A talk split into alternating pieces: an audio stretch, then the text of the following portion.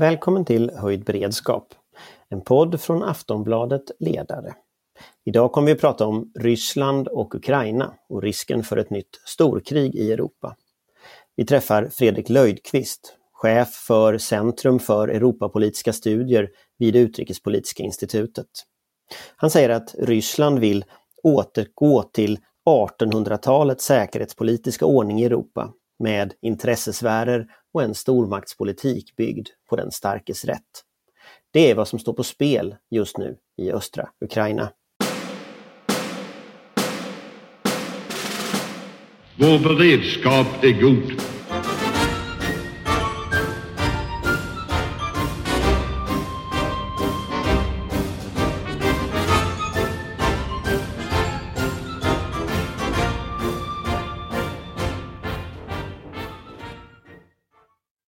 Välkommen till eh, Höjd beredskap, Fredrik Löjdqvist. Tack så mycket. Och du är chef för Centrum för Östeuropastudier vid UI. Vad är det för tjänst? Ja, eh, det är ett nytt centrum som inrättades genom ett regeringsbeslut i förra året eh, och som där vi började i år och jag tillträdde i mars i år. Och eh, vi eh, är ett centrum som ska ägna oss åt Ryssland och övriga Östeuropa som i det här fallet definieras som de sex länderna i det så kallade östliga partnerskapet och ska syssla med analys, policyrelevant analys eh, av regionen ur ett svenskt perspektiv men också delta i det internationella samtalet.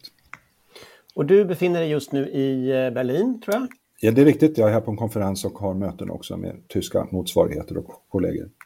Ja, och vi övriga är i cyberrymden på lite olika ställen. Eh, och vi kommer att komma tillbaka till vilka övriga som, som är med här. Men eh, just nu ser jag Patrik Oksanen som vinkar. Eh, Amanda Wåhlstad. På plats nerifrån Malmö, Svensk tidskriftsredaktion. Eh, Johan Viktorin. Hej Anders. Och Anders Lindberg heter jag, politisk chefredaktör för Aftonbladet. Och eh, orsaken till att jag bett dig komma, eh, Fredrik, är naturligtvis utvecklingen eh, mellan Ryssland och Ukraina. Och igår, så sent som igår, så såg vi ju ett toppmöte mellan eh, USAs president Biden och Rysslands eh, president Putin om det här säkerhetsläget. Så varför har den här regionen och just den här relationen nu kommit högst upp på den politiska dagordningen? Ja, det finns både en, en, en, en, en mer långsiktig orsak till det och en mer kortsiktig. Och den kortsiktiga är att det har under hösten skett en väldigt oroväckande systematisk militär uppbyggnad på den ryska sidan eh, eh, och också i de områden i Ukraina som Ryssland kontrollerar i Donbass och på Krim. I kombination med en väldigt uppskruvad, hårt uppskruvad politisk retorik från den ryska ledningen och i, eh, ryska, i det ryska medielandskapet eh, Eh, som, där det då finns befogad oro för att Ryssland skulle igen kunna eh, eskalera och tillgripa militärt våld mot Ukraina för att uppnå sina eh, eh, mål. I, I helgen kom ju en, en, en avslöjande artikel i, i Washington Post, bland annat i USA, kring den här ryska uppbyggnaden vid Ukrainas gräns. Och man, man pekade ju på att det här var en allvarligare situation än vad man tidigare sett. Man lyfte fram bilder av en, den ryska uppladdningen och sa, skriver bland annat att, att eh, i januari så kommer eh, Putin att kunna ha ungefär 175 000 man på plats eh, redo att öppna kanske flera fronter in i, in i Ukraina. Eh, delar du den bilden? Är det så allvarligt? Ja, alltså att situationen är, är, är, är synnerligen allvarlig, den bilden delar jag. Eh, jag har ju svårt att kommentera de, liksom, de exakta bedömningarna och uppgifterna och hur man kan komma upp till 175 000 man. Eh, men det finns ju rätt många eh, och, och, och eh, analyser som nu pekar på att man har ungefär plus minus runt 100 000 man i närheten av Ukraina. Och också omfattande Eh, eh, materieluppbyggnad som har pågått ända sedan i våras. Det var ju en liknande eh, eh, situation, upptrappning i våras som sen trappades ner men där man lämnade då en stor del av materiel och en del manskap kvar i området. Och sen hade vi också den här stora strategiska övningen eh, Zapad, alltså det, i det västra ryska militärdistriktet som genomfördes här i början på hösten. Och det här har så att säga gradvis nu ackumulerats och byggt upp till, till den här eh, eh, hotfulla militära närvaron och den är också av ett sådant slag, om man får tro rapporteringen, att den innehåller element eh, som gör att, att det, det, är mer rimligt att tro att det här faktiskt är, man skulle kunna använda det i, i en större omfattande militär operation. Och också på andra, på en bredare front, också på andra ställen än det vi har sett det tidigare. Vad, vad, vad, skulle liksom den ryska tanken, vad är den strategiska avsikten med, med detta? Alltså från vårt perspektiv så, så har vi ju sett ett, ett, övertagande av Krim, en ockupation av, och en annektering i Ryssland av Krim 2014. Nu har det gått, ja, i januari har det gått åtta år nästan på pricken eh, sen den insatsen inleddes då. Alltså vad är, vad är det ryska målet med detta? Ja, det finns flera ryska mål och det kunde vi då se, tror jag, tydligt i samband med eh, Majdan och det ryska agerandet, aggressionen mot Ukraina 2014. Eh, och om vi får vidga blicken lite grann här. Eh, och jag tror också att det är viktigt att börja med att komma ihåg och förstå att vi får skilja på mål och medel. Så den militära upptrappningen, hotet om militärt våld och annan form av, av, av propaganda, det är liksom medel för att uppnå någonting. Eh, eh, den militära upptrappningen eller eventuell militär eh, eskalation och ingripande eh, där man går in i Ukraina igen eh, är inte ett mål i sig utan det är ett medel för att uppnå någonting. Och målen eh, tror jag är eh, på strategisk nivå, de är tre stycken. Eh, det första eh, är, handlar om regimöverlevnad i Ryssland, eller regimsäkerhet, regimstabilitet.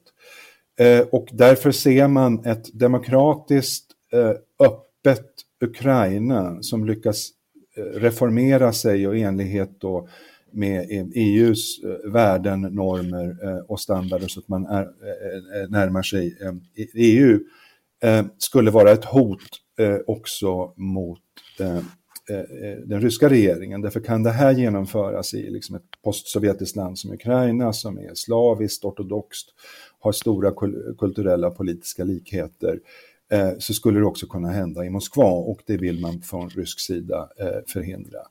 Det är det första. Det andra är att Ryssland då vill, eller Kreml vill eh, ha kontroll, politisk kontroll över sina grannländer och här är det särklass viktigaste Eh, eh, både reella termer men även liksom symboliska, historiska, känslomässiga andra termer är Ukraina. Eh, det handlar inte om territoriell kontroll utan det handlar om kontroll över det politiska beslutsfattandet centralt i Kiev. Och det handlar framförallt för att förhindra att ett land som Ukraina på ett mer irreversibelt sätt ansluter sig till den västliga gemenskapen. Eh, eh, eh, EU då som det handlar om 2014 och det finns också en rädsla att man knyter närmare band till NATO och så vidare på ett sätt som gör att Ryssland skulle förlora kontrollen. Så att Ryssland vill se en begränsad suveränitet och ha en egen kontroll över beslutsfattandet i, i, i Kiev. Och det ingår då i ett större mönster där man vill upprätta någon form av inflytelse eller intressesfärer i sitt närområde. Och de här två målen tillsammans utgör ett tredje, mer övergripande mål som har artikulerats från rysk sida, åtminstone sedan 2007-2008. Det är nämligen att man vill se en omförhandling, en ny europeisk säkerhetsordning. Eh, man är missnöjd med den säkerhetsordning som etablerades efter kalla krigets slut, eh, som i hög grad bygger på Helsingfors-slutakten från 1975 och sen Parisstadgan eh, från 1990 som la grunden till OSSE, Organisationen för säkerhet och samarbete i Europa. Som också gör en väldigt tydlig koppling mellan respekt för demokrati, mänskliga rättigheter och rättsstatens principer i länder och säkerheten mellan stater. Det är det som på OSSE-språk brukar kalla för det breda säkerhetsbegreppet, Comprehensive Concept of Security. Ehm, eh, och det är någonting som, som eh, Ryssland motsätter sig. Eh, man talar om inblandning i inre angelägenheter och så vidare. Så det är det här som står på spel ytterst. Eh, det handlar inte bara om, om säkerhet eller säkerhet i östra Ukraina här och nu, utan det som ytterst står på spel är liksom spelreglerna för den europeiska säkerheten och den europeiska säkerhetsordningen. Och därför har det här är inte bara en, en, konflikt mellan Ryssland och Ukraina, utan det här är en konflikt mellan Ryssland och väst eller, och det liksom regelbaserade europeiska och globala eh, eh, eh, ordningen. Om man tittar på, på de rapporter som kommer nu och ja, nu, återigen Washington Post och så, så pekar man ju på att januari blir en form av peak i rysk förmåga. Och då pekar man ju också ut att det är en tillfälle när eventuellt den här förmågan skulle då användas. Vad skulle, hur skulle den typen av användning se ut? Ja, det, igen så tror jag, alltså huvudsyftet med den här militära uppbyggnaden eh, är inte nödvändigtvis en konkret förberedelse för en, en, en, stor omfattande militär operation, utan det här är ju en skrämseltaktik eh, för att sätta press på Ukraina till tydligare utgifter, eftergifter och mot, mot väst. Och då är det framförallt Washington vi pratar om eftersom EU och Frankrike och Tyskland inte eh, spelar så stor betydelse i Moskvas ögon. Att sätta press på de här, att komma till förhandlingsbordet eh, och, och, göra eftergifter och att eh, hörsamma de ryska kraven, röda linjerna och intressena. Men för att det hotet ska kunna vara trovärdigt och verksamt eh, eh, så måste man ju också då på trovärdigt sätt visa att, eh, att det finns ett militärt hot. Och vi vet ju då av erfarenheten från Georgien 2008 Eh, och i fallet Ukraina sedan 2014 att man är både villig eh, eh, och kapabel att tillgripa militära maktmedel mot, mot andra länder.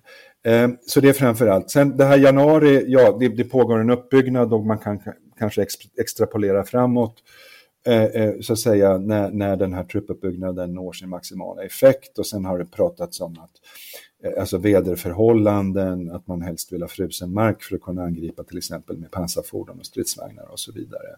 Eh, eh, eh och, att det är bättre att vänta. Vi har också stora högtider här framåt då, inte minst runt nyårshelgen eh, som, som är omfattande ja, semesterperiod i, i, i, i, i, i Ryssland.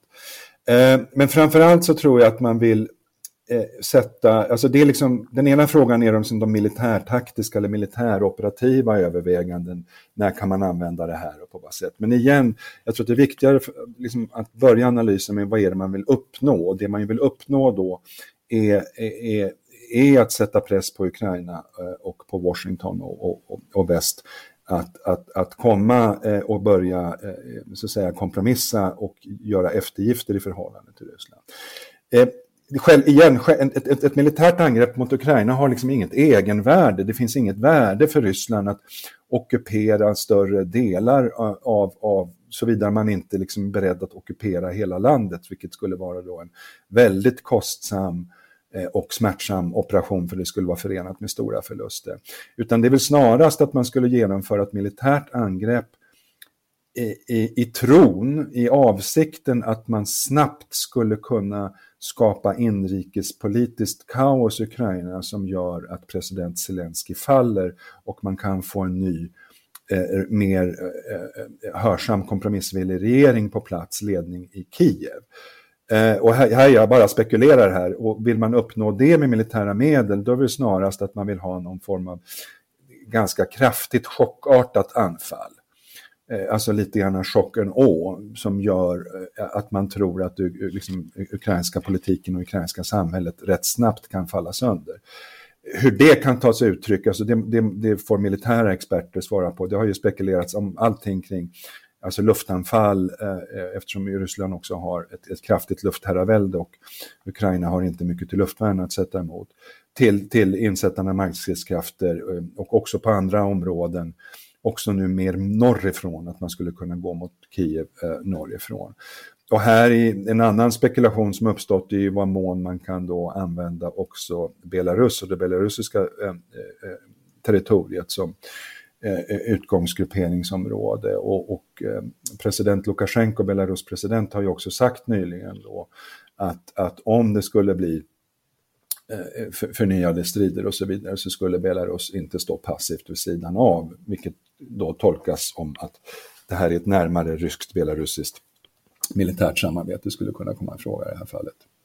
En, en, ett ord som du återkommer till flera gånger som jag tror kan vara värt att borra lite i, det är det här med intressesfär. Här har ju väst och, och, och Ryssland helt olika syn på vad som konstituerar nationell suveränitet och, och, vad vi lägger i det här begreppet. Kan du mm. utveckla det lite? För, för, för, för en, en, betraktare från väst så ser det ju ganska absurt ut att Ryssland anser sig kunna bestämma andra länders utrikespolitik, andra länders säkerhetspolitik. Det gäller ju inte bara Ukraina, det gäller ju även de baltiska staterna. Finland har man synpunkter på historiskt ganska ofta. Alltså, var kommer det här begreppet? Varför ser Ryssland på, på det på det sättet? Ja, alltså det är ju, alltså ur ett längre historiskt perspektiv så är det ju inte särskilt konstigt. Det här var ju så snarast liksom normen till exempel på, på 1800-talet eller fram till egentligen kalla krigets slut. Eh, eh, eh, eh att, att stormakterna och supermakterna och jag menar från Moskva, Sovjetunionen och tidigare Tsarryssland hade liksom, eh, Eh, eh, inflytande eh, över andra länder. Det som då uppstår i, med början, ja förstås i folkrätten då, FN-stadgan efter andra världskriget, men sen då som för, för europeisk del förtydligas i Helsingforsslutakten 1975 och sen Parisstadgan 1990. Det är då att alla länder har Eh, eh, eh, rätt till lika suveränitet. Alla länder är lika suveräna så att säga. Det är inte så att vissa länder är mer suveräna än andra. Alla länder har rätt till territoriell, sin territoriella integritet. Alla länder har, det finns ett förbud mot att använda eller hot om användning av militärt våld, men däremot så finns det ju då i FN-stadgan ett tydligt så att säga, rättighet att försvara sig i händelse av ett militärt angrepp.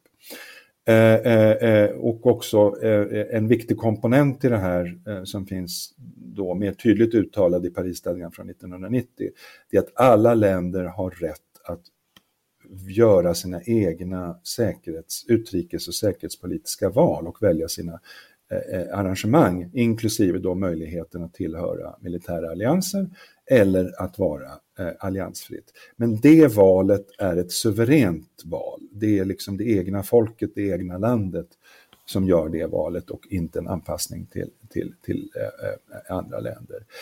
Det är det här då som många i Kreml och, och, i Ryssland och Putin, det här uppfattar man som att det här är en, en säkerhetsordning som ett försvagat Ryssland under ett påstått kaotiskt 90-tal mer eller mindre tvingades på så att säga utifrån och strider mot den normala historiska ordningen. Och det man kan säga att det Ryssland egentligen skulle vilja återgå till det är ju någon slags 19, eller 1800-tals modell eh, som man kan säga bygger på Wienkongressen, alltså den eh, eh, fredskongress inom citationstecken som man hade efter Napoleonkrigen där ett antal stormakter eh, Eh, eh, eh, Ryssland, Preussen, Österrike, Ungern och, och, Frankrike så att säga, gjorde upp och delade upp, och, delade upp så att säga, Europa i inflytelsesfärer.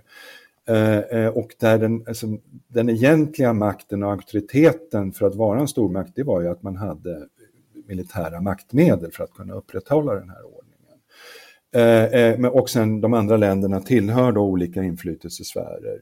Eh, och det här var ju också en balans som existerade under andra världskriget, så att säga, med, med kalla kriget. Det var tydligt var gränsen mellan öst och väst eh, gick och, och Sovjetunionen tillämpade den, så att säga, Brezhnev-doktrinen. Eh, man, man, man gick in i Tjeckoslovakien 1968 man ingrep inte militärt i Polen 1980 men, men man hade liksom kontroll över situationen och, och i Budapest 1956 före och det. Och det är liksom en ordning och ett system som man i, i Moskva känner sig bekväm med. Och det är också så man tolkar efterkrigsordningen. Eh, alltså den uppgörelse som gjordes på i, i, i Jalta då mellan segermakterna i det andra världskriget där man så att säga delade upp eh, e, e, Europa och världen. Och det är lite grann det som Moskva vill komma tillbaka till. Men om man, eh, för orsaken till att jag frågar är ju att i detta ligger ju också frågeställningen hur möjligt det är för väst att kompromissa. Nej. Så, vad, så, så vad skulle hända? Om man, om man, tänker att Putin har ju själv sagt att, att Sovjetunionens fall var den största eh, geopolitiska katastrofen under 1900-talet. Eh, och det här blir ju en återupprättande av den principiella grunden så att säga som ändå Sovjetunionen lite grundade sig på. Du säger Brezhnev-doktrinen till exempel. De gick ju in i fler stater än Tjeckien här, Tjeckoslovakien i det här fallet. Vad är det så att säga som ligger i potten för väst?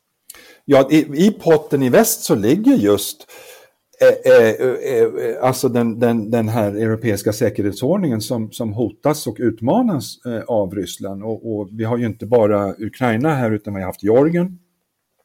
Vi har också utdragna konflikter i, i, i, i, i Moldavien och så vidare. Och Ryssland har, har eh, rysk trupp i andra länder mot de här eh, värdländernas vilja. Eh, eh, eh, så att säga. Så att i grunden så är det här helt oförenliga eh, liksom krav och ambitioner. Och jag vill kan understryka att alltså, Ryssland försöker ofta utpeka det här som att det finns som lite grann kolsuparteorin att USA och väst som NATO har sina inflytelsesfärer och vi har våra inflytelsesfärer och det här är samma sak. Eh, eh och, och att, att, att, att säga, man har spritt sina inflytelsesfärer genom EU och NATO-utvidgningarna. Men det är ju inte det det handlar om. Vad det handlar om är huruvida vi ska ha en gemensam eh, regelbaserad ordning som är, baserad på gemensamt överenskomna principer och åtaganden.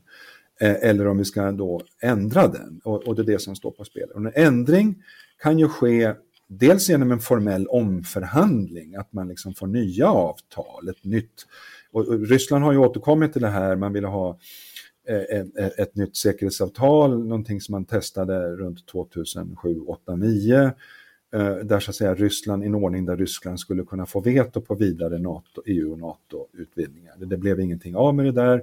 Eh, nu har man kommit tillbaka med det här, eh, man har pratat om en, en ny säkerhetspakt, eller Putin har pratat att man vill ha legala juridiskt bindande garantier för att NATO inte ska utvidgas och så vidare.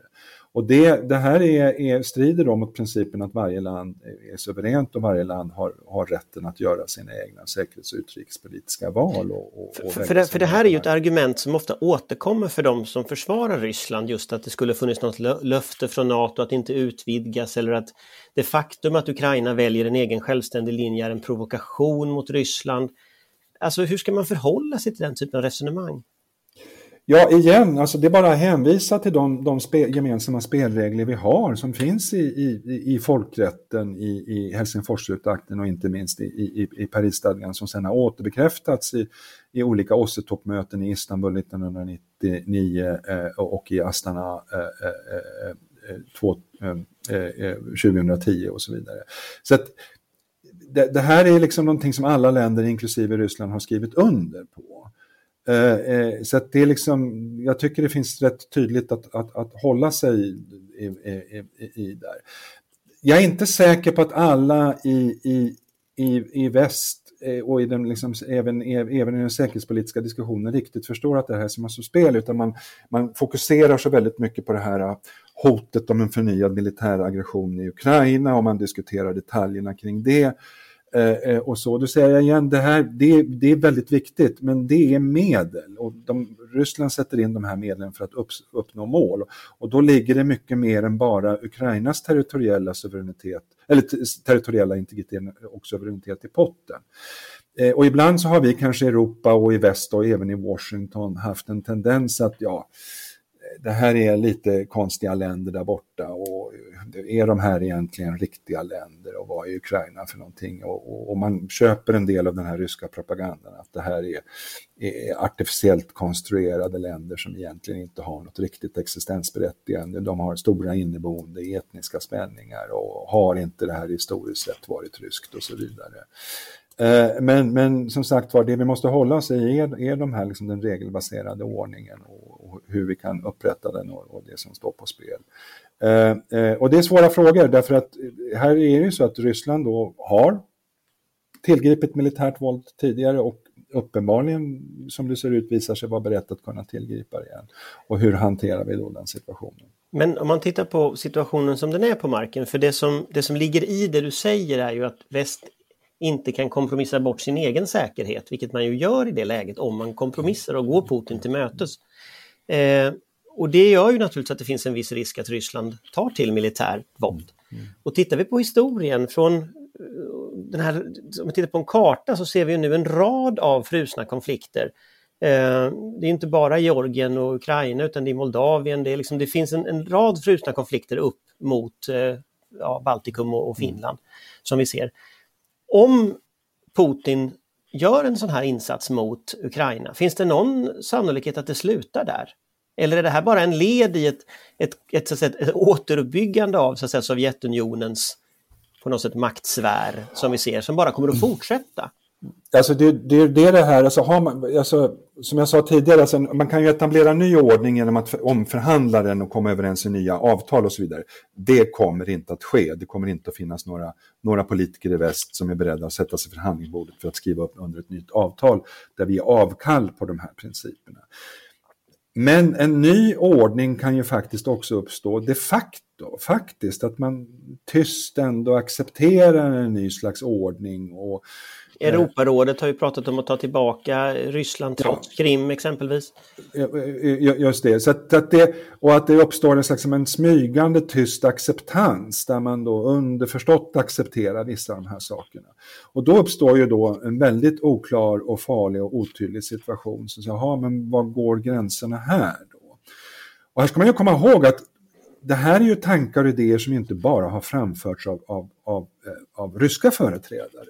Så det finns ju också i, i, i den bredare västerländska säkerhetspolitiska debatten så har eh, det sen Krim 2014 kastats fram ett otal olika förslag och idéer om att man skulle ha en, en, en ny regional säkerhetsordning eller en ny europeisk säkerhetsordning. Man skulle hitta på särlösningar för de här länderna som ligger mittemellan, the countries in between är ett sånt här begrepp som har, har dykt upp. Då, då. Eh, och som i praktiken går ut på att de här har inte full suveränitet eh, utan måste inordna sig i någon slags uppgörelse mellan, mellan kanske Washington och Moskva eller någonting.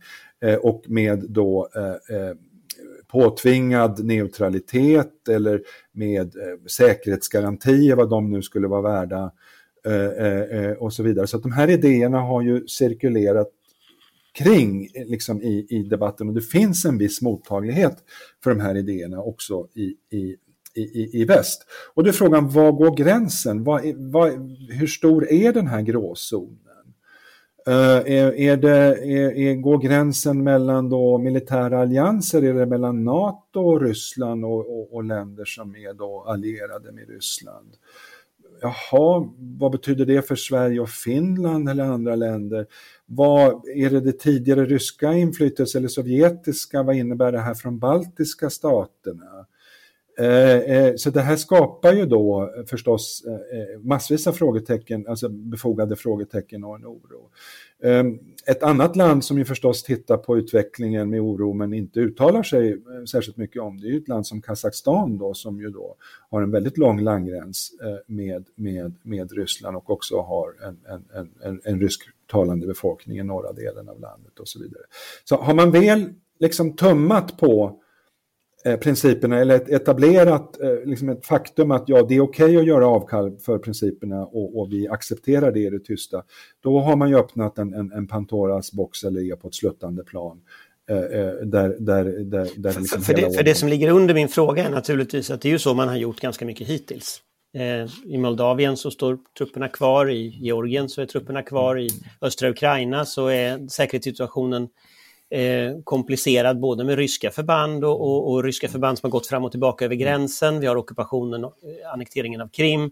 Alltså vad, vad talar för att väst skulle ha, inte kanske viljan så mycket som orken, att faktiskt göra någonting för att förhindra den här situationen? Ja, det, det är ju den farhåga som, som jag tror har funnits runt om i en del huvudstäder, inte minst i Europa eller kanske östra Europa. Och frågan liksom vad vad är Washington egentligen villigt och brett till? Eh, och det här tror jag också är en del av, av, ska man förstå den här situationen, alltså det handlar om att Ryssland har en avsikt, man har en vilja eh, som är rätt tydligt uttalad och har blivit mer och mer, man har också flyttat fram positionerna, de ryska positionerna, och de har, har blivit mer långtgående under, under, eh, under hösten. Eh, man har också eh, förmåga, inte minst militär förmåga, som man nu visar, man har lagt pistolen på bordet. Men det finns också eh, möjligheter eller, eller eh, ett, eh, som, som, måste vara en del av ekvationen eller analysen man ska förstå här. Och där tror jag, från Moskvas sikt så är tidpunkten nu inte, den, den är inte slumpmässigt vald. Utan vad jag tror man ser är dels ett försvagat eh, Europa, eh, efter Brexit, det är ny tysk regering, det är franskt presidentval som kommer upp och ett Europa som hittills inte har varit särskilt eh, uttalat eller intresserat att ägna sig av ansvarsutkrävande i förhållande till Ryssland. Man ser en inrikespolitiskt försvagad Biden som också man räknar med är, är utrikes och säkerhetspolitiskt försvagad, inte minst genom eh, eh, det hastiga utdragandet från Afghanistan. Och ett polariserat försvagat USA. Eh, och också en försvagad transatlantisk länk mellan de europeiska länderna eh, och USA som ju, då, som ju tillfogades stor skada under, under Trump-tiden. Eh, och man ser också en ukrainsk president som man trodde hade hoppats på att man skulle kunna göra upp med och kunna få eftergifter ifrån. Som, är, som, då tydlig, som har blivit allt starkare och starkare och tydligare med att han inte är beredd att ingå sådana här kompromisser med Ryssland. Eh, och man ser också då med oro i Moskva på att eh, Ukraina håller på att stärka sin egen försvarsförmåga. Inklusive med, med vapenleveranser och eh, eh, eh, eh alltså defensiva vapensystem och utbildning och annat från, från inte minst USA men det är Storbritannien och andra länder också. Man har köpt saker från Turkiet här eh, Eh, som gör att det här finns ett möjlighetsfönster, att man kanske skulle kunna flytta fram positionerna, få väst att göra eftergifter, att kostnaderna för ett eventuellt ryskt förnyat angrepp inte skulle bli så stora och att man kan göra det innan utvecklingen i Ukraina har gått så för långt. Eh, så att det här är ett väl lämpat tillfälle, alltså det, stjärnorna står i en, i en tror man kanske i Moskva, i en gynnsam konstellation. Men, här, mm. men de stjärnorna handlar ju om politisk vilja i väldigt hög utsträckning från ja. väst, eller brist på politisk ja. vilja. Ja. Om man rullar tillbaka bandet till 2015 och det här så kallade Minskavtalet som ju ändå eh, väst, eller Frankrike och Tyskland ändå tecknade eh, och, och som ändå var någon slags slutpunkt på striderna. Ingenting av det har ju uppfyllts idag. Nej, det är två, man ska komma ihåg. Det är och två... väst har ju inte haft viljan att sätta något kraft bakom de orden. Det är båda är två avtal då, Minsk, ja. Minsk 1 och Minsk 2. Eh, som ju då för, man ska också komma ihåg att de här avtalen är ju alltså, eller, alltså överenskommelsen eller protokollen som de kallas för, framförhandlades bägge efter massiv rysk upptrappning, där inklusive i, i, i, med rysk trupp, först i Iljovajsk då i, i augusti 14 och sen i, i, i Debaltsev i januari eh, 15. Eh, där så att säga Ukraina tvingades mer eller mindre mot pistolmynningen mot, mot tinningen. Eh, för eh, att man liksom var tvungen att få till stånd ett vapenstillestånd och förhindra dem, för därför annars skulle de ryska och ryskunderstödda Eh, eh, eh, trupperna kunna flytta fram sina eh, positioner mycket mer. Så, och då förhandlade man fram det här eh, eh och sent på natten då eh, i, i, i, i Minsk, de här så kallade Minskbrotten. Syftet med dem var ju framför allt för att få stopp på blodbadet och de, liksom, de, de, de militära striderna där i då. Och liksom lite grovt tillyxat liksom skissa på en politisk process som skulle kunna leda framåt. Som alla sådana här politiska eh, avtal som är framförhandlande då under stor tidspress och, och då under alltså, militärt eh, våld så, så, är de är inte alls perfekta. De innehåller motstridiga eh, krav och de är öppna då för eh, olika tolkningar, vilket är helt uppenbart eftersom Ryssland och, och det finns liksom medvetet vaga formuleringar som öppnar för, för, för olika tolkningar. I de här. Och det är helt uppenbart att, att att, att Ryssland och Ukraina och väst har tolk, eh, tolkat de här eh, avtalen och hur de ska omsättas och vilken ordning och vad det egentligen innebär helt olika. Den ryska tolkningen är ju då att, eh, eh att, eh, att de här Donbass kommer att ges en stark självständig ställning i Ukraina men i princip fortfarande under rysk kontroll med möjlighet att påverka det centrala ukrainska beslutsfattandet, det vill säga att förhindra EU-närmande och NATO-närmande och så vidare. Och den ukrainska och, och många eh, västtolkningar det är ju då att Ryssland måste dra tillbaka sina, sina trupper från Donbass och att Ukraina ska återfå kontrollen över sin gräns. Eh, och då har man då förhandlat det här i det här Normandieformatet. Och, och en annan sak är att Ryssland, för, för hel, resten av världen är helt uppenbart att Normandie, de här protokollen var någonting som undertecknades av Ryssland och Ukraina som de stridande parterna, som konfliktparterna, över, överinseende då från, från förbundskansler Merkel och den franska presidenten Hollande. Det är en tolkning som Ryssland aldrig har erkänt utan de menar ju att det här eh, konflikten i Ukraina är en inbördeskonflikt och att Ryssland är det tillsammans med Frankrike och Tyskland är som opartiska utomstående medlare. Och att konfliktparterna då är Kiev å ena sidan och Eh, eh, de här eh, så kallade utbrytare eller separatist, ryskkontrollerade separatistregimerna i, i, i Donbass och Luhansk som är parter i det. Så att man har liksom inte kunnat enas om någonting. Och det är helt uppenbart att Ryssland trodde att man skulle då kunna uppnås eh, eh, eftergifter från den ukrainska sidan i de här. Och de ryska förhoppningarna tilltog nog när, när Zelensky valdes till president, för han gick ju till val som en fredspresident så att säga, och att han, han ville ha slut på det här. Men han nyktrade ju mycket snabbt till när han, han såg verkligheten. Eh, och, och, Frankrike och Tyskland har ägnat stor diplomatisk möda och energi på det här, men utan att någonting. Och nu har Ryssland tröttnat, tror jag, på det här Normandieformatet. Man inser, för den ryska förhoppningen var ju att Tyskland och Frankrike skulle sätta press på Kiev att göra eftergifter i förhållande till Ryssland. Och, och så har inte skett.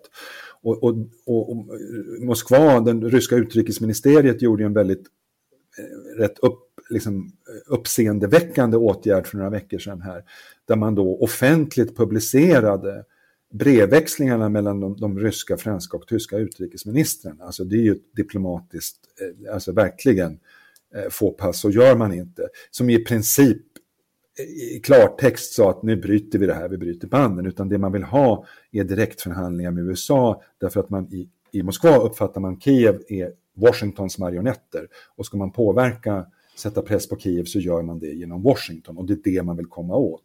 Och det var det också jag tror att man var så angelägen att få till stånd det här eh, eh videokonferensen, det här toppmötessamtalet som ägde rum igår.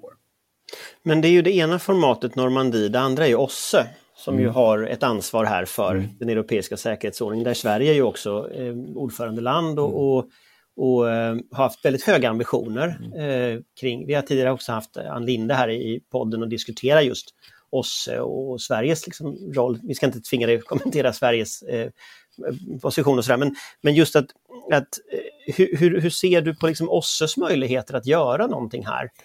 Alltså OSSE, har, alltså OSSE är ju, har ju en ganska bred verktygslåda. Ehm, och vi ska också komma ihåg att det finns en koppling mellan så att säga, OSSEs normala verksamhet och OSSEs roll i den här konflikten och Normandieformatet. Eller liksom en informell koppling, någonting som heter den trilaterala kontaktgruppen. Där då eh, eh, eh, en, en, en, OSSE, en, OSSE, en företrädare för OSSE-ordförandeskapet då sitter med. Det är för nuvarande en finsk diplomat som heter Mikko Kinnunen eh, eh som är OSSEs särskilda företrädare för, eh, eh för den här konflikten. Eh, så där finns det ju en, en, en, koppling och där drivs det ett antal underarbetsgrupper så bedrivs det då liksom politiskt diplomatiskt förhandlingsarbete som också omfattar humanitära frågor. Den internationella observationsnärvaro som finns, inte när det gäller Krim, men när det gäller Donbass, det är ju då en, en, en OSSE-ledd mission, en Special Monitoring Mission, som då bland annat har till eh, uppgift att övervaka brott mot, mot eh, eh, eh alltså eld, eldupphör, vapenstillestånd och sådana saker. Men sen i det större perspektivet så har ju OSSE då ägnat sig åt det här breda säkerhetsbegreppet där, eh, som rör just efterlevnad av, av liksom demokratins principer, rättsstatens principer och, och mänskliga rättigheter och så. Man har institutioner för detta, eh, bland annat ODIR som sitter i Warszawa som ska övervaka val och, och, och, att se till att det går på rätt sätt och så. Man har en, en, en mediefrihetsombudsman eh, RFOM eh, och så vidare. Men inte minst så är ju OSSE är ju så att säga OSSEs, jag brukar säga att OSSE består av tre delar. Det ena är liksom det normativa värdet eftersom OSSE omfattar och bygger på ett antal gemensamt överenskomna principer, eh, jag nämnde Helsingfors och Paris och så vidare, andra åtaganden som man har gjort. Och alla av dem har fattats med konsensus. OSSE är en konsensusorganisation. Så att Ryssland och andra länder nu som bryter mot de här har ju varit med och undertecknat. De är liksom politiskt Eh, eh, politiskt åtagna eh, att följa de här. Det andra är då att, att OSSE är en, en, en dialogplattform. Det är då 57 deltagarstater som träffas regelbundet och, och utbyter då. Och då har man ju de här principerna och åtagandena att hålla sig till. Det är de som är kriterierna. Och då kan man också ägna sig åt, åt ansvarsutkrävande och påpeka brott mot, mot de här. Och för det tredje har så OSSE då en väldigt bred verktygslåda Eh, i form av de här institutionerna jag nämnde, de man har då fältnärmar och övervakningsmissioner. Eh, det finns också militärpolitiska instrument som tyvärr inte som har missbrukats eller inte kunnat användas som det var tänkt. Ett av dem är, är det så kallade Wiendokumentet där man ska då kunna göra, eh, obs, eh, eh, eh alltså skicka observationsmissioner på plats för att övervaka militär verksamhet och övningar och sådana saker. Nu har Ryssland då valt att paketera och annonsera sin militära verksamhet på ett sådant sätt så att de inte har kunnat komma i fråga för det här. Egentligen ska alla alltså militära övningsverksamhet och militära sammandragningar som omfattar mer än 13 000 man ska då kunna eh, eh, eh, användas. Men de, de, har aldrig, ingen rysk militär övning har kunnat observeras eller övervakas i enlighet med Wiendokumentet som var tänkt. Ut. Så det finns en verktygslåda, det finns en normativ grund och det finns en dialogplattform. Men ytterst, som du sa tidigare, så handlar det här också om en politisk vilja. Finns den? Ja den, ja, ja, den finns ju i allra högsta grad ska jag säga från, från, från, från, från, från väst och de länder då som gör de här stora investeringarna på att ta på, ta på sig ett OSSE-ordförandeskap som Sverige nu har gjort. Nej, men jag tänker på om du ska... Om vi ska ta... Den finns inte från rysk sida. Nej, och jag tänker om du ska ta en, en, en för, för, det är ju en rätt dyster bild om man tar sammantaget det du säger, att, att Ryssland kräver vissa saker, det är saker som väst inte kommer att gå till mötes med och Ryssland bygger upp sin militära förmåga för att etablera fakta på marken i någon mening. Eh, om du skulle liksom lite kort bara gissa, jag vet att det inte ligger för att gissa, men om du tittar de närmsta månaderna framåt, eh, lite kort så här, vad, vad, vad, är det vi ska titta efter? Vad är det vi kommer att se? Eh, kommer det att bli krig i, i januari eller vad tror du? Ja, eh, igen så tror jag, alltså ska man göra, ska man göra en, en mer kvalificerad bedömning av det här så, måste, så tror jag att vad det handlar om här är nu en, ett, ett säkerhetspolitiskt signalsändande mellan Moskva och väst, och väst i det här fallet, i Moskvas ögon är Washington så att säga. Där man då skickar både öppna men också andra signaler i form av, av militärt agerande, vad det nu kan vara, Eh, eh, eh för att lite grann, eh, eh, men också i samtal som det man hade igår, för att försöka göra en rimlig bedömning av den andres, andra sidans nästa schackdrag eller så att säga avsikter och intentioner. Och så det, det är en beslutsprocess där liksom som inte bara, alltså Moskva fattar inte sina beslut i ett, i ett vakuum utan man gör ju också en bedömning av vilka reaktionerna skulle bli eh, eh, och, och vad kostnaderna och motåtgärderna skulle bli och, och vice versa. Och här känner jag en oro för att det finns en, en, en risk, en betydande risk för att man gör felaktiga bedömningar och läser av varandra fel i det här som man skulle kunna kalla för en strategisk kommunikation alltså i ordets mer traditionella klassiska säkerhetspolitiska betydelse, inte den här moderna betydelsen av, av, av, av, av så att säga någon form av PR. Eh, eh, där Ryssland kanske då överskattar sin egen förmåga och underskattar västs och Washingtons vilja att eh, införa motåtgärder. Och där man från västs sida kanske undervärderar Eh, eh det ryska hotet. Så det, det, här är ju liksom ett, ett, psykologiskt bedömningsspel som pågår nu. Och jag tror inte att gårdagens möte, det var bra att det ägde rum, eh, men jag tror inte att man har fått särskilt mycket ny klarhet. Och vad som det handlar om i väst här då, från, från Washingtons sida, men också från EU och andra, det är ju att signalera vad är det för kostnader som vi då skulle kunna eh, utkräva av Ryssland ifall Ryssland eskalerar ytterligare eh, och begår nya brott mot, mot, mot, mot säkerhetsordningen. Det är ju inte minst i former av sanktioner, eh, olika former av ekonomiska sanktioner, eh, politiska sanktioner, eh, eh men det, det, kan också vara andra former av avbrutna samarbeten och en ökad isolering eh, eh, av, av, av Ryssland. Och här har det ju så att säga då också EU-kommissionens eh, ordförande van der Leyen gjorde ett uttalande här i måndags då för att signalera från EUs sida att EU stod berett att, att eh, eh, eh tillsammans med partners och läs USA, men Storbritannien och andra, att, att, införa sanktioner och så. Men man har inte varit så mycket tydligt, så här handlar det mer liksom om, om spekulationer i media som kan vara mer eller mindre välgrundade. Vad är det för typ av sanktioner? Och här är det ju inte minst frågan om Nord Streams 2 framtid som jag tror det finns en betydande säkerhets, osäkerhetsfaktor kring, så att säga. Och jag tror, jag befinner mig just nu i Berlin och jag tror att det, det, man, man, är från tysk sida, man kommer att lägga nog ribban rätt högt eh, för att gå med på att avbryta eh, Nord Stream 2-projektet. Eh, men det är en sån sak som skulle kunna ligga i... i men, och det handlar också om rysk, eh, ryska tillgångar till internationella finansmarknader, betalningsmöjligheter och sådana saker som diskuteras. Jag tror vi ska utgå ifrån att, att Putin och Kreml kom, agerar rationellt. Det är en rationell aktör. Men deras värdekoordinatsystem eller vad man tycker är viktigt och inte och hur man värderar olika saker är ett helt annorlunda än vårat. Och därför är det farligt att göra analyser av ryska intressen som bygger på vårt koordinatsystem. Då landar man fel och hamnar i önsketänkande. Och det är därför det är så viktigt att försöka förstå vad det är för koordinatsystem som Putin och Kreml befinner sig i. Jag tror absolut inte att vi ska utesluta några scenarier, inklusive eh, förnyade krigshandlingar eh, eh, och så. Och jag tror den grundläggande frågan, igen, det är bara medel, den grundläggande frågan om, om, om de ryska röda linjerna och, och, att man vill omförhandla så att säga hela säkerhetssystemet är inte löst och är knappast heller lösbart utan det här är en konflikt som vi kommer och en intressemotsättning som vi kommer få leva med under en, en, en lång tid framöver, åtminstone så länge Putin sitter kvar vid makten. Tack så jättemycket för att du var med. Stort tack, väldigt roligt. Vår beredskap är god. Ja, då är vi åter här i våran cyberstudio.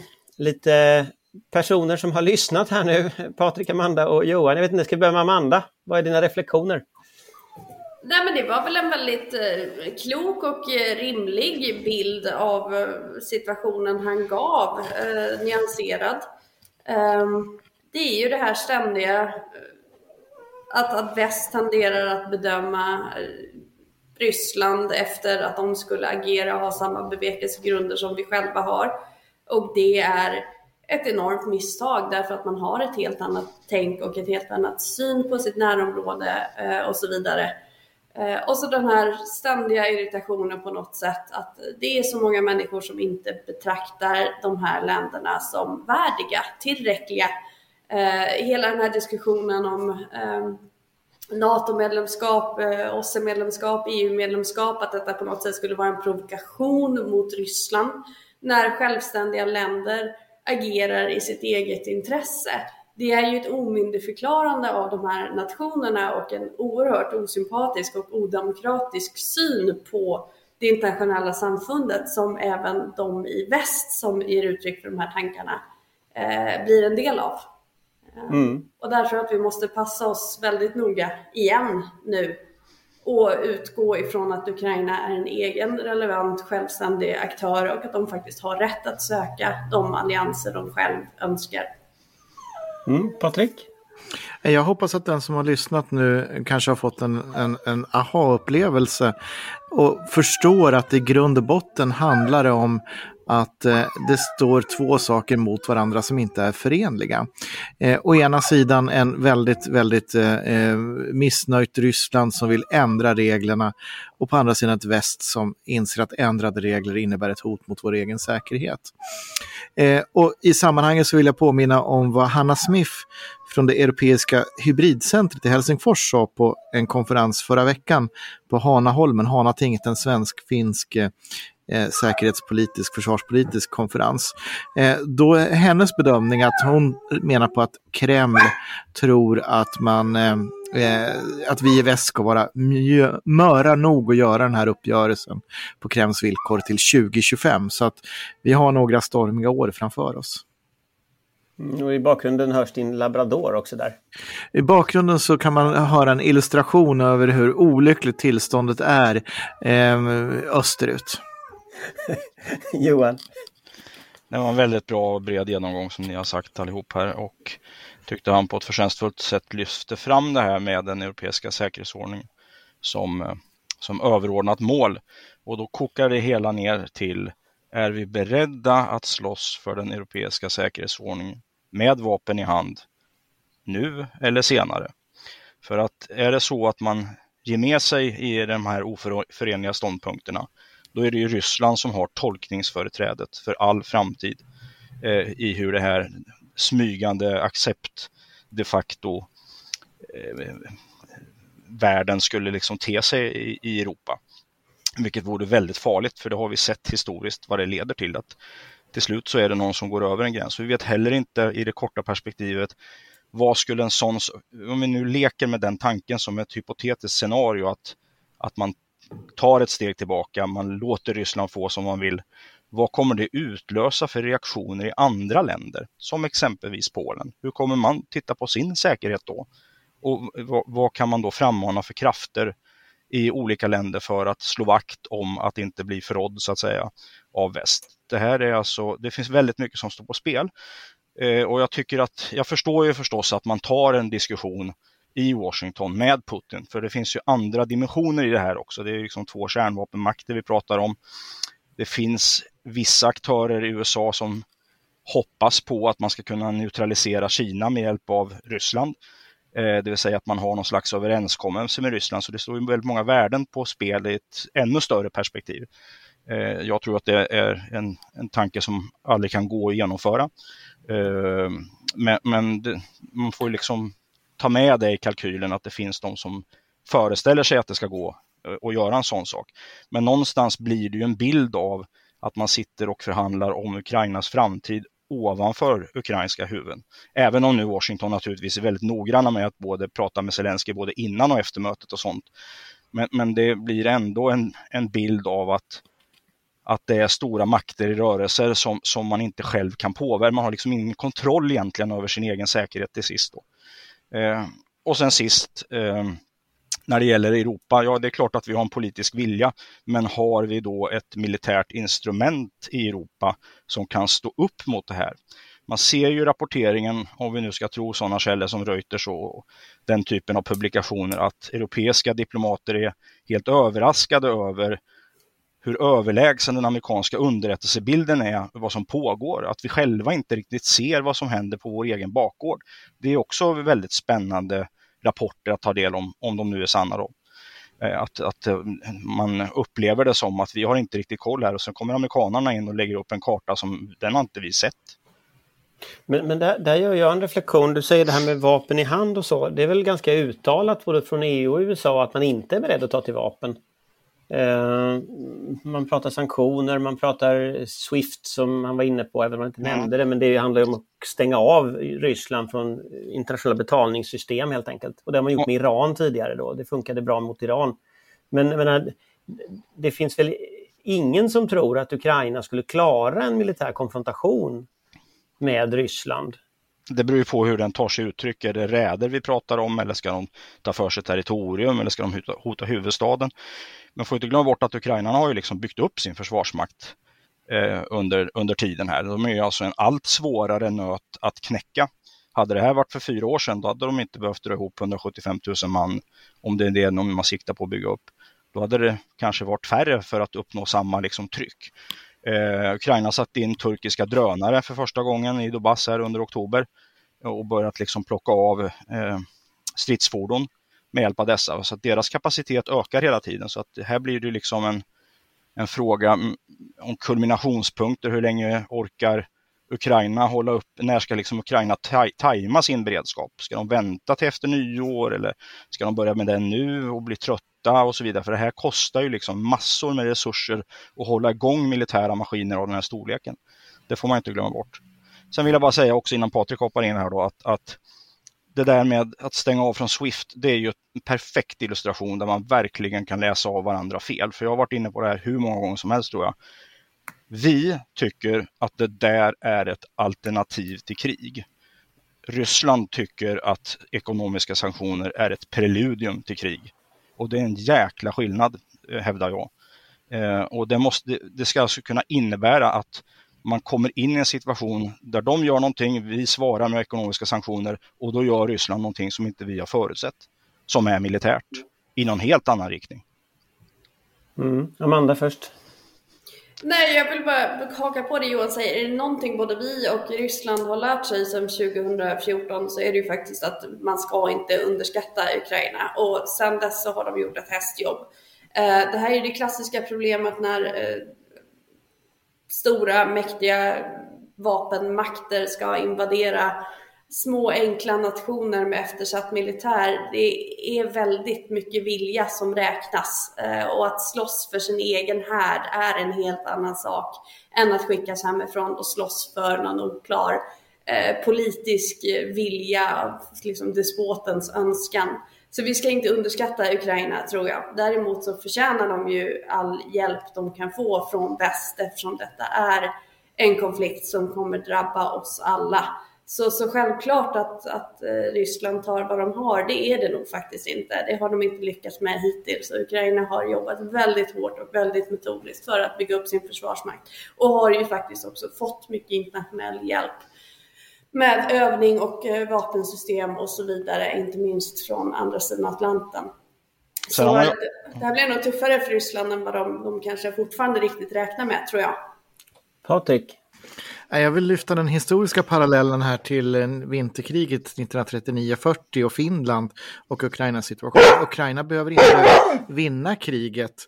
Eh, Ukraina räcker det med att undvika att förlora och undvika att förlora gör man genom att ta ut sån hög kostnad man bara kan från Ryssland så att priset blir för stort, att det inte går för Ryssland att uppnå de mål man vill. Och det är väl det som är Ukrainas bästa chans i den militära delen av, av, av en, en utökad konflikt.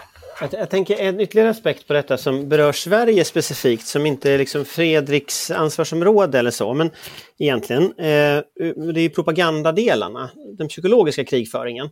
Att när man läser rapporterna om detta så visar det sig att, att Ryssland har ju ända sedan i våras egentligen eh, oj, tidigare ändå, men liksom tra börja trappa upp propagandakriget mot Ukraina. Eh, också i väst tydligt det här eh, kriget. Och vi börjar ju se samma effekter, tycker jag, i media. Det dyker upp lite artiklar här och var och det dyker upp den här typen av liksom, spår som vi såg inför Krim också, eh, för åtta år sedan. Eh, även i Sverige. Eh, så vi, det, här liksom, det är ju någon slags gemensam informationssfär som utbyter information fram och tillbaka. Vad, vad, ska vi läsa av det? Så att säga? Kommer samma trick som funkade 2014 funka nu eller har vi blivit bättre på detta? Inte nödvändigtvis samma trick kommer att funka men däremot så har du helt rätt i att vi ser en massa ljus tända i fönstren i den ryska påverkansapparaten och så pass många ljus tända så att det är eh, någonting som påminner om situationen inför Krim 2014, vilket förstärker så att säga riskanalysen för att vi kan stå inför en, även en militär upptrappning. Och i det spannet så finns det ju liksom hela, hela vägen då med rysk propaganda som du säger. Man kan se också formuleringar dyker upp i svensk press som, som vi har sett tidigare dyka upp. Um, vi har också det faktum, vilket vi inte har berört ännu, det är då att Janukovic den störtade presidenten 2014, han rör på sig nu från, från sin ryska exilpost eh, och eh, försöker då eh, nu stämma radan för att ha avsatt honom olagligt. Eh, så att det är en massa rörelser runt omkring och det måste man ta in i helheten. Och sen har ju Putin själv varit ute då i en artikel i somras och eh, pratat om Ryssland och Ukraina som ett, för att liksom lägga det på den nivån. De har ju också eh, flyttat retoriken från att eh, Ukraina inte ska få bli medlemmar i NATO till att man inte får ha offensiva vapensystem på marken i Ukraina och alldeles oavsett vilken eh, eventuell allianstillhörighet man har. Och liksom, hur ska man tolka det och var ska det ta slut? Kommer man rikta den typen av krav på andra länder i, i sitt, eh, sitt närområde så att säga. Det, den där artikeln också... som du nämner, den, det var ju många som lyfte fram att den var så förvirrat skriven så den var antagligen inte spökskriven av någon. Det var så mycket så förvirrade resonemang i den eh, att den var antagligen skriven direkt av Putin. Eh, därför att, det, så att säga, någon annan hade aldrig släppt igenom den, den, eh, den nivån. Men ett av kärnbudskapen i den artikeln, den handlar ju egentligen om att Ukraina inte har något existensberättigande som en självständig nation överhuvudtaget. Nej, Ryssland och Ukraina är ett, alltså det vill säga Ryssland. Och här, här har vi en annan historisk parallell och det är ju vad som hände med Baltikum 39-40. Eh, baltstaterna, Estland, Lettland och Litauen blev ju annekterade av Sovjetunionen genom vad vi kan kalla för i dagens termer ett hybridkrig som slutade med att de församlingarna, parlamentariska församlingarna med Röda arméns bajonetter i ryggen då röstade för att ansluta sig till Sovjetunionen sommaren 1940. Så att eh, vi har, vi har eh, vi har ett facit också från historien om vad som händer om man ger med sig steg för steg och det tror jag att ukrainarna är väldigt väl medvetna om. Kan man dessutom, få bara ansluta, ja. historisk parallell också, det finns en annan historisk parallell och det är ju Krimkriget i mitten på 1800-talet som ju startade där på grund av bland annat turkisk eh, svaghet då. Men det, den handelsblockaden då som västmakterna införde i Östersjön innebar ju att det även blev just stridshandlingar i det här området också. Så att eh, det här kan gå väldigt fort att sprida sig. Nu tänker inte jag måla fan på väggen och sånt, det är inte det jag sysslar med, men man måste ha med sig den typen av dimensioner i tänkandet. Amanda, nu ska jag försöka ge Amanda ordet faktiskt. Det kan eh, också gå väldigt fort mentalt, ska vi nog vara väldigt försiktiga med det, för att vi, den dimensionen som ibland glöms bort i just så här små länder som ska anpassa sig efter sina större grannar och deras eh, vims eh, är ju att eh, vi också är en ganska liten nation eh, och i slutändan handlar det just om synen på små nationer och eh, små nationers egna självbestämmande. Har vi rätt att bestämma vår egen utrikespolitik? Kommer vi kunna ha styrkan och makten bakom att fortsätta bestämma vår egen utrikespolitik? Eh, det här är så mycket större än bara Ukraina. Det handlar som sagt om den europeiska säkerhetsordningen men även den internationella ordningen i stort och vi har eh, otroligt mycket eget intresse av detta förutom då den naturliga solidariteten med Ukraina och i förlängningen Baltikum och andra nationer i området som kommer drabbas av en, en större konflikt. Så att den här bollen får vi bara inte tappa. Ska vi låta det vara slutordet? Det låter väl alldeles utmärkt låta det vara slutordet. Ja, då tackar vi för oss och så hoppas vi att vi är tillbaka om två veckor i någon, någon form här. Vi får väl se lite hur covidläget utvecklar sig, förhoppningsvis i studion, men annars får vi fortsätta som vi gör nu. Hej hej! Tack och hej! Då. Tack! Vår beredskap är god.